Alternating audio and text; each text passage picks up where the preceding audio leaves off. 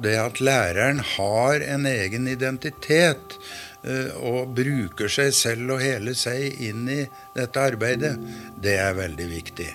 Staten bestemmer mål, og så sier vi at det er opp til skolen og læreren å finne veien til målet. Det er litt risikabelt. Det er meget vanskelig. Velkommen til podkasten Byen vår. I en serie av episoder skal vi ta opp ulike sider ved Hamar, og i denne sesongen er tema skolebyen vår. Mitt navn er Lage Tune Myrberget, og sammen med Knut Ståle Hauge har jeg invitert en rekke personligheter fra skolemiljøet i byen vår til samtale om ulike temas som skaper skolebyen vår. I denne episoden skal vi snakke om pedagogikk og didaktikk. Før vi starter Denne podkasten er produsert av Storyphone AS, og dersom du tenker at dette er bra for byen vår, og har lyst til å være samarbeidspartner eller sponsor, er det bare å ta kontakt med oss. Og til å prate om dette så har vi med oss nestor i Hamar bys pedagogiske historie, med ansvar for den historiske samlinga på lærerskolen. Vi snakker om Knut Ståle Hauge, han sitter over bordet her og smiler. Og så har vi fått med oss professor Thomas Nordahl fra Høgskolen Innlandet. Velkommen hit. Hvordan står det til? Det er en bra dag. Ja, jeg syns det går bra som vanlig. Vi er på Hamar, vi sitter på Park, og vi skal snakke da om pedagogikk og didaktikk. og Jeg starter med deg, Thomas. Hva er nå engang pedagogikk og didaktikk?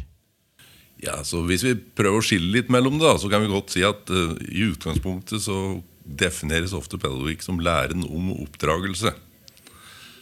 Uh, så vi kan si at pedagogikken det handler om lærerens sånne grunnleggende ferdigheter i det å styre unge litt, være en tydelig voksenperson som står der, etablere et godt forhold til dem, sørge for at regler og normer blir hørt, at det er godt miljø mellom elever osv. Og så vil didaktikken i større grad handle om faget. Altså hva de skal lære i faget, altså hvilken kan det innhold, og ikke minst etter hvert arbeidsmåter, læremidler du anvender som er knyttet til fag og læring i fag. Så det er et skille mellom hva som er si, det grunnleggende da, i skolen. Eh, om å utvikle seg som menneske sosialt, dannelsesmessig osv. på den ene sida, og på den andre sida at du lærer fag. Men så er det viktig å understreke dette går tett sammen. Dette er ikke to atskilte ting, men det går tett sammen. Og, og, de som lykkes godt i skolen, de lykkes med begge deler. Ja. Knut Ståle, du er jo en uh, garva kar, gått av med pensjon. Uh, svarte Thomas riktig? det var absolutt godkjent, det, selvfølgelig. Og, og det som er spennende her, er jo også da å snakke om lærerrollen lærerens rolle i det hele. Og det at læreren har en egen identitet eh, og bruker seg selv og hele seg inn i dette arbeidet, det er veldig viktig. Ja, har den rollen til læreren vært den samme opp gjennom hele historien? Det har den ikke. Det kan Thomas fortelle om. Ja, nei, det er jo slik at vi kan si at lærerens autoritet har endret seg. Det er viktig at læreren framstår med autoritet i, i klasserommet eller på den læringsarenaen du er. Um, og den fikk du før mye av samfunnet. Altså, det, var, ja, det var en sterk respekt for læreren. Altså, det var vel, på bygda så var det presten og læreren som hadde posisjon og autoritet. Um, mens um, lærerens autoritet sånn sett, den er fjerne i større grad i dag. Vi kritiserer læreren mye mer. Politikere er kritiske til det. Og Dette ser vi jo nå f.eks. på inntak i lærerutdanninga, som er kritisk lav. Da handler det om at, at vi er fjernet autoriteten. Og Da må læreren skaffe seg denne autoriteten sjøl i klasserommet. Og det er ikke enkelt, og det er det mange lærere som sliter mye med. Nei, Vi hører om dette med generasjon krenket. Ja, det handler jo litt om det. Fordi at noen lærere blir engstelige for å være en tydelig voksen person. Stille litt krav. Ha noen forventninger til unger. For at det kan lett oppleves som en form for krenkelse, eller at du blir utsatt for noe de syns er ubehagelig. Da. Men det er faktisk slik at læring er ubehagelig. Det er anstrengende. Er dette kjent problematikk? Kristoffer? Ja, det er jo det, selvfølgelig. Men eh, tilbake litt til lærerrollen. Jeg husker jeg in eh, intervjuet til sin tid eh, rektor Skanke eh, om dette her. Eh, det, og da eh, fortalte han da at eh, dette sosiale i lærerutdanningen, eh, det med å være med i lag og foreninger osv., som jo da var fantastisk moro for mange studenter og interessant.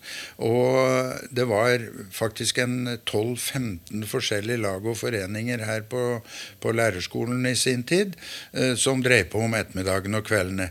Og da sier Skanke det at uh, dette er nesten like viktig som fagene å være med på dette. For disse lærerne som vi utdanner, de skal opp i de forskjellige bygder og, og små steder. Og da må de ha med seg alt dette her her for å utøve ikke bare yrket sitt om formiddagen, men for å delta i bygdas liv og levnet. Er dette vi kaller for sosial trygghet?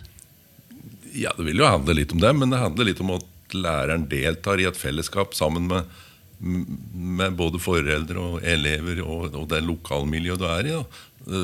Og det er jo for så vidt borte mange steder. Ja, Så skolen skal ikke være arbeidstid? Det skal gli litt over i å leve generelt i lokalsamfunnet? Ja, du må kanskje være, være i hvert fall før da, som lærer, så måtte du du måtte være oppmerksom på at du var lærer døgnet rundt. Du måtte ta litt hensyn til det, og, og du hadde denne posisjonen i huset. Første dagen jeg begynte som lærer etter lærerskolen, så begynte jeg på, som lærer på Fjærdomsskolen i Gausdal, på Segastadbrua. Ja. Så har jeg vært der første dagen, og så dro jeg inn, jeg bodde på Lillehammer, så dro jeg innom butikken der for å handle litt mat. Og så skulle jeg betale, og da reiste hun seg som satt ved kassa, hun reiste seg opp og så hilste på meg og så sa ja, så det er nylæreren. Ja, oi, oi, oi, ja men det, det, er artig å høre, Thomas, fordi at eh, ikke langt unna Segalstad bru så er Forsett. Ja. Og der er det en kirkegård. Og der er det en gravsten. Og i den gravstenen så var det en stor sølvkrans fra bygdefolket til læreren. Og han var utdanna her eh, fra Hamar seminarium i 1882 og dro opp dit og ble da Han starta bank, starta uh, kor og osv. osv. Og og ble da den som fikk være med å utvikle Forsetbygda uh, til de grader, altså. Gjennom det han var og den jobben han gjorde. Hvilken, hvilken tidsperiode er dette her? 1880-åra. Ja, Bjørnstein Bjørnson på det området, da? Ja. Den på Hullestad, ja. ja. Det var ikke 1880-åra jeg begynte. altså. Det var, det var ikke 1980 heller? det, det, det, var faktisk i, det var faktisk i Nei, det var 83, var det. Ja, ja, ja. Men Thomas, Når er det du kom til Hamar og begynte her å jobbe? Ja, det, og arbeid, da. det på, på høgskolen Tenk på seg med pedagogisk forskning? Ja, det begynte, det, Jeg var her litt på begynnelsen på 90-tallet. Eh, litt rann, og så dro jeg til Oslo og jobba på et forskningsinstitutt der i 15 år. Og så begynte jeg her i 2006. har vært her siden. Ja. Hvor kommer liksom din motivasjon for å fordype deg i pedagogikk? Det kom etter lærerskolen eh, i stor grad. Og så arbeidet jeg to år som lærer etter lærerskolen da, i, i Gausdal. Og ble, altså, jeg syntes det var veldig spennende, og så syntes jeg pedagogikkfaget var utrolig spennende. Og så bestemte jeg meg for å begynne på Universitetet i Oslo og ta embetsstudie i pedagogikk. Hvis jeg forstår det riktig, pedagogikk handler om eh, altså læring for barn? Ja, og unge og voksne. Ja. Vi lærer jo ganske likt. da. Det, det er et begrep som heter andragogikk. Ja, det vil jeg kutte langt utafor pedagogikkfaget. Ja. ja. Men, men, med tanke på voksne, da. Ja. Altså premisser for hvordan voksne lærer. Ja. Eh, jeg tenker altså, Lærerorganisasjoner har jo utfordringer også med hvordan man lærer internt seg imellom som voksne, som lærere på en skole.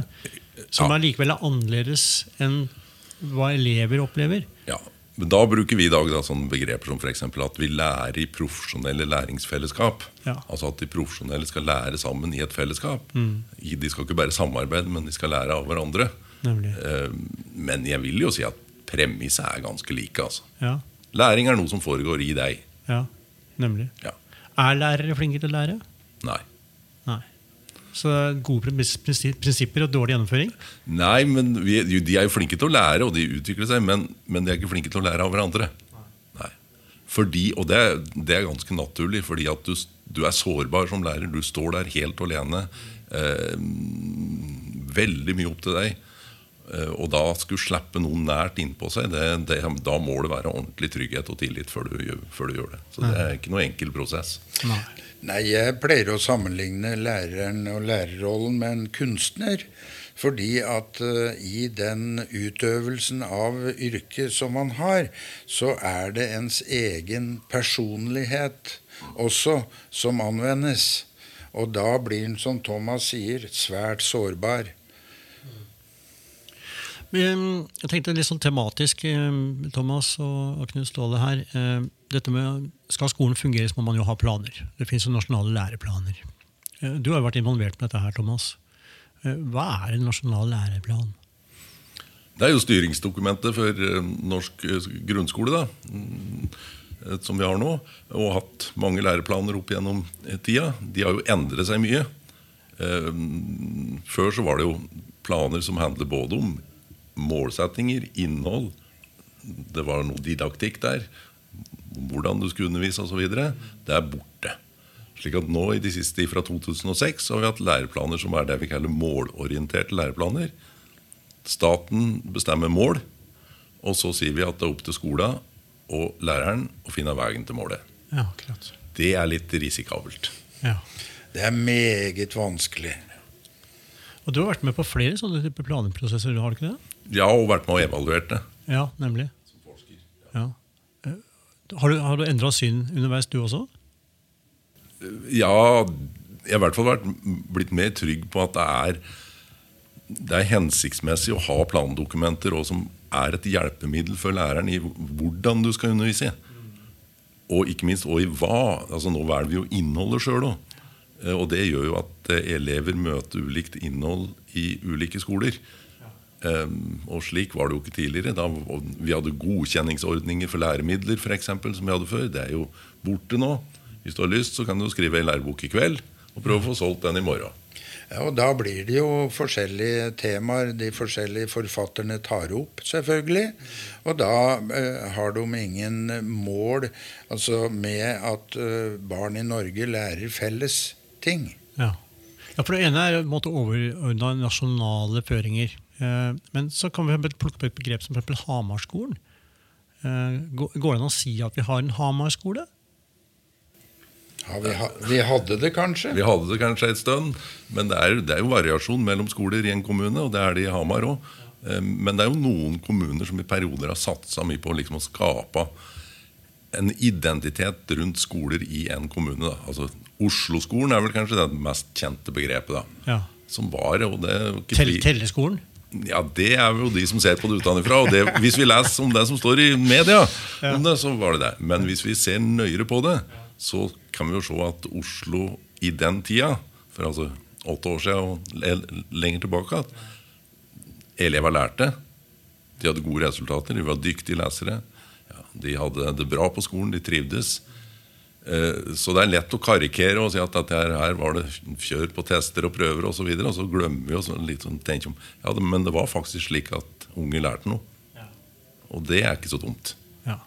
Var det, hva, var, hva, var, suksessfaktoren med de testene?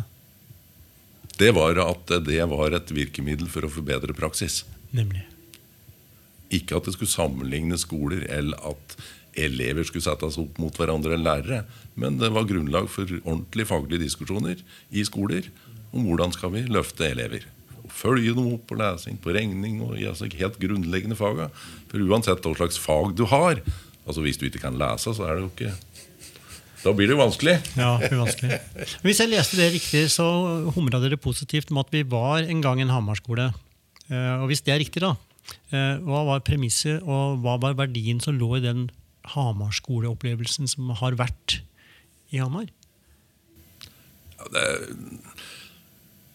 jeg tror i hvert fall kan si at, at Hamar har jo profitert veldig på at det har vært en lærerhøgskole her i så, så mange mange tiår. Ja, ikke sant? ja, det har jo vært, og det har nok vært med på å Jeg tror det er et slags grunnlag for, for Hamarskolen i i et sånt historisk perspektiv. Ståle. Det har nok det, men det som er litt spennende i akkurat det, det der, det er det at eh, f.eks.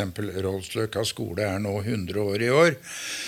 Og eh, da Rollsløkka skole ble bygd i sin tid, så lå det jo den i Vang kommune. Eh, selv om den ligger noen hundre meter øst for, for dagens høyskole. Og da, eh, det året, eh, da hadde det vært en eh, diskusjon mellom lærerskolen og Hamar kommune. For Hamar kommune ville ikke godta de pengene som skulle betales til øvingsundervisningen. De ville ha mer penger. Øvingsundervisningen, var det begrepet som ble brukt? Ja, øvingsundervisning. Lærerstudentene skulle jo, eller elevene som det het den gangen, lærerskoleelevene, skulle ha praksis.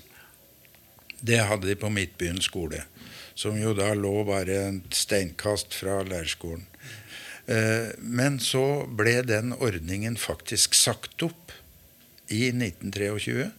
Og da var det Roldsløkka som ble øvingsskole. Så da kvitta da eh, Hamar kommune seg med den ressursen som, eh, som lærerskolen var den gangen. Ja, det var skolehistorie på Hamar. Ja, ja. Men så har det jo etter hvert som ble jo Rålsøk en del av Hamar kommune òg. Ja, og Midtbyen skole for eksempel, har jo betydd veldig mye oppover. Jeg, jeg har noe kontor der nå. Ja, du har kontor der, og du har jo samling der også. Ja, da, ja da, der er det samling med pumperne. Så var, og så ble jo, har jo Hamar vært en, en, en god skolekommune. De har prøvd å utvikle det til Hamarskolen og jobbe godt med det. Ja. Jeg synes jeg hører liksom, når det akkurat Valget var jo i går, faktisk, når vi gjør den innspillinga her nå. Eh, Det, I dag så er det altså 12.9.2023. Eh, eh, og jeg syns omkvedet er liksom at Hamarskolen er god. Men eh, hvis man titter i tallene, Thomas, du er jo en eh, tallknuser. Hvordan er resultatene på Hamarskolen? Det kommer litt an på hvilke tall du ser på, og hva du definerer som kvalitet. da. Men hvis vi f.eks. ser på det vi kaller nasjonale prøver, som jeg mener er et godt uttrykk for kvalitet, det måles på femte, og åttende og 9. trinn i, i norsk og regning, eller i lesing, regning og engelsk, eh, så ser vi at Hamarskolen sånn sett har nok litt å gå på. Den, kunne, den er slett ikke av de beste kommunene i Norge på, på disse helt grunnleggende ferdighetsområdene som er viktige for barn og unge. Har det vært bedre tidligere? Litt bedre tidligere. Ja, ok, Så det er en nedadgående kurve på det? Ja, Det er i hvert fall flata ut ganske mye og gått litt tilbake hvis vi ser på det. Ja. Mm. Det er kanskje ikke lett å si hva det kan skyldes, men eh, er det noen overordnede tanker om hva som eventuelt gjør slike endringer? Nei, det tror jeg skal være litt forsiktig med å, uttrykke meg om hvorfor det skjer. I Hamar det skjer, og i andre kommuner rundt der som har tilbakegang. Uh, og, det, og det vil være svingninger, men det er klart en såpass stor kommune som, som Hamar, da, som har såpass stort elevtall, så bør det ikke være for store svingninger. For det, da er det noe som For unger endrer seg ikke så mye. Ja. Jeg har lyst til å touche borti et lite tema hvor vi nærmer oss slutten av denne samtalen. her, og det er jo at eh, Hamar kommune i hvert fall står overfor et valg i forhold til det med skolestruktur. Og ut fra et pedagogisk perspektiv da, med, med dere to her liksom, eh, Skolestruktur har sikkert ikke alltid vært den samme i Hamar. Vi nevner jo at Rollestøka tidligere ikke var en del av Hamar kommune. Men eh, eh, hvordan kan en sånn struktur påvirke den pedagogiske effekten av undervisningen? Ja, dette er det forsket mye på i verden. For vi er jo ikke den eneste landet i verden som driver med skolestruktur og skolestørrelse. Så, men det spesielle med Norge er jo selvsagt at vi har en demografi som skiller seg ganske mye fra veldig mange land. Vi har spredt bosetting, og vi må ha mange skole, små skoler, for ellers må det reise for langt. Og, det, og, og Da må vi ta hensyn til det, for det har sine styrker, men det har helt klart også sine svakheter. For f.eks. de sosiale miljøene kan bli litt fattige. Ja, så Historisk sett så har vi vært vant til å ha mange små skoler. Ja, ja. Og så syns vi da at store skoler blir litt, litt truende. Men jeg tror da viktig å se på det litt historisk. Jeg vet vel at gamle Midtbyen skole har hatt 800 elever. Ja, det var mange. Ja. Det var mange der. Akkurat. Ja. Det lille bygget. Ja, for de gikk to ganger om dagen. Før- Oi. ja, ja. Noen gikk før på formiddagen, noen gikk på aftan. Og Var det lengre skoleuke også? De har seks dager, da, vet du. Ja, det var lørdagsskole. Ja, ja. Det hadde jeg til og med i min oppvekst. Ja, akkurat. Så da Så jeg tror vi liksom har glemt òg at det har vært store skoler tidligere. Og internasjonalt så vil en si at en skole på 500 elever for eksempel, det er ganske uproblematisk. Ja. Hva er det som eventuelt truer pedagogikk og læringseffekt ved å være mange? Nei, det er jo det er jo det at du kanskje har litt dårlig struktur og dårlig ledelse og litt dårlig organisering. Altså Det må jo, være, det må jo drives som virkelig en ordentlig skole. Men styrken er jo at du får mange lærere sammen. Ja. eh, Som kan, og særlig i litt små fag i skolen så vil du skape et eh, fagfellesskap. Tror du ikke det, Knut Ståle? Jo, absolutt. Ja. Det er klart, det. Ja, så Historisk så handler det om ledelse, og det gjør det også i dag. Ja, det vil jo Det er jo viktig. Ja. Er Hamar rusta til å håndtere en sånn endring som det snakkes om nå, med flere nye storskoler? Må det også gjøres kompetanseendring i ledelse og for lærere òg?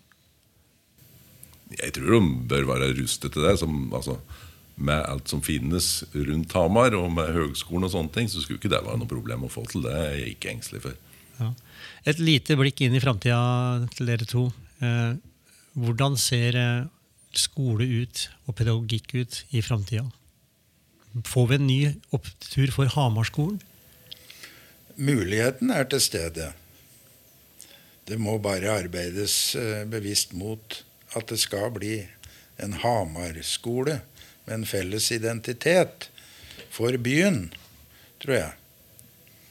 Jeg ser du nikker, Thomas. Ja, nei, det er jeg helt enig i. Men, men hvordan den ser ut, det er litt vanskelig å si. fordi er, vi lever i en tid der det er mye, mye skiftinger. Det, vi har en, noe teknologi som har grepet sterkt inn i skolen, og som vi fortsatt ikke er noe veldig dyktige til å håndtere.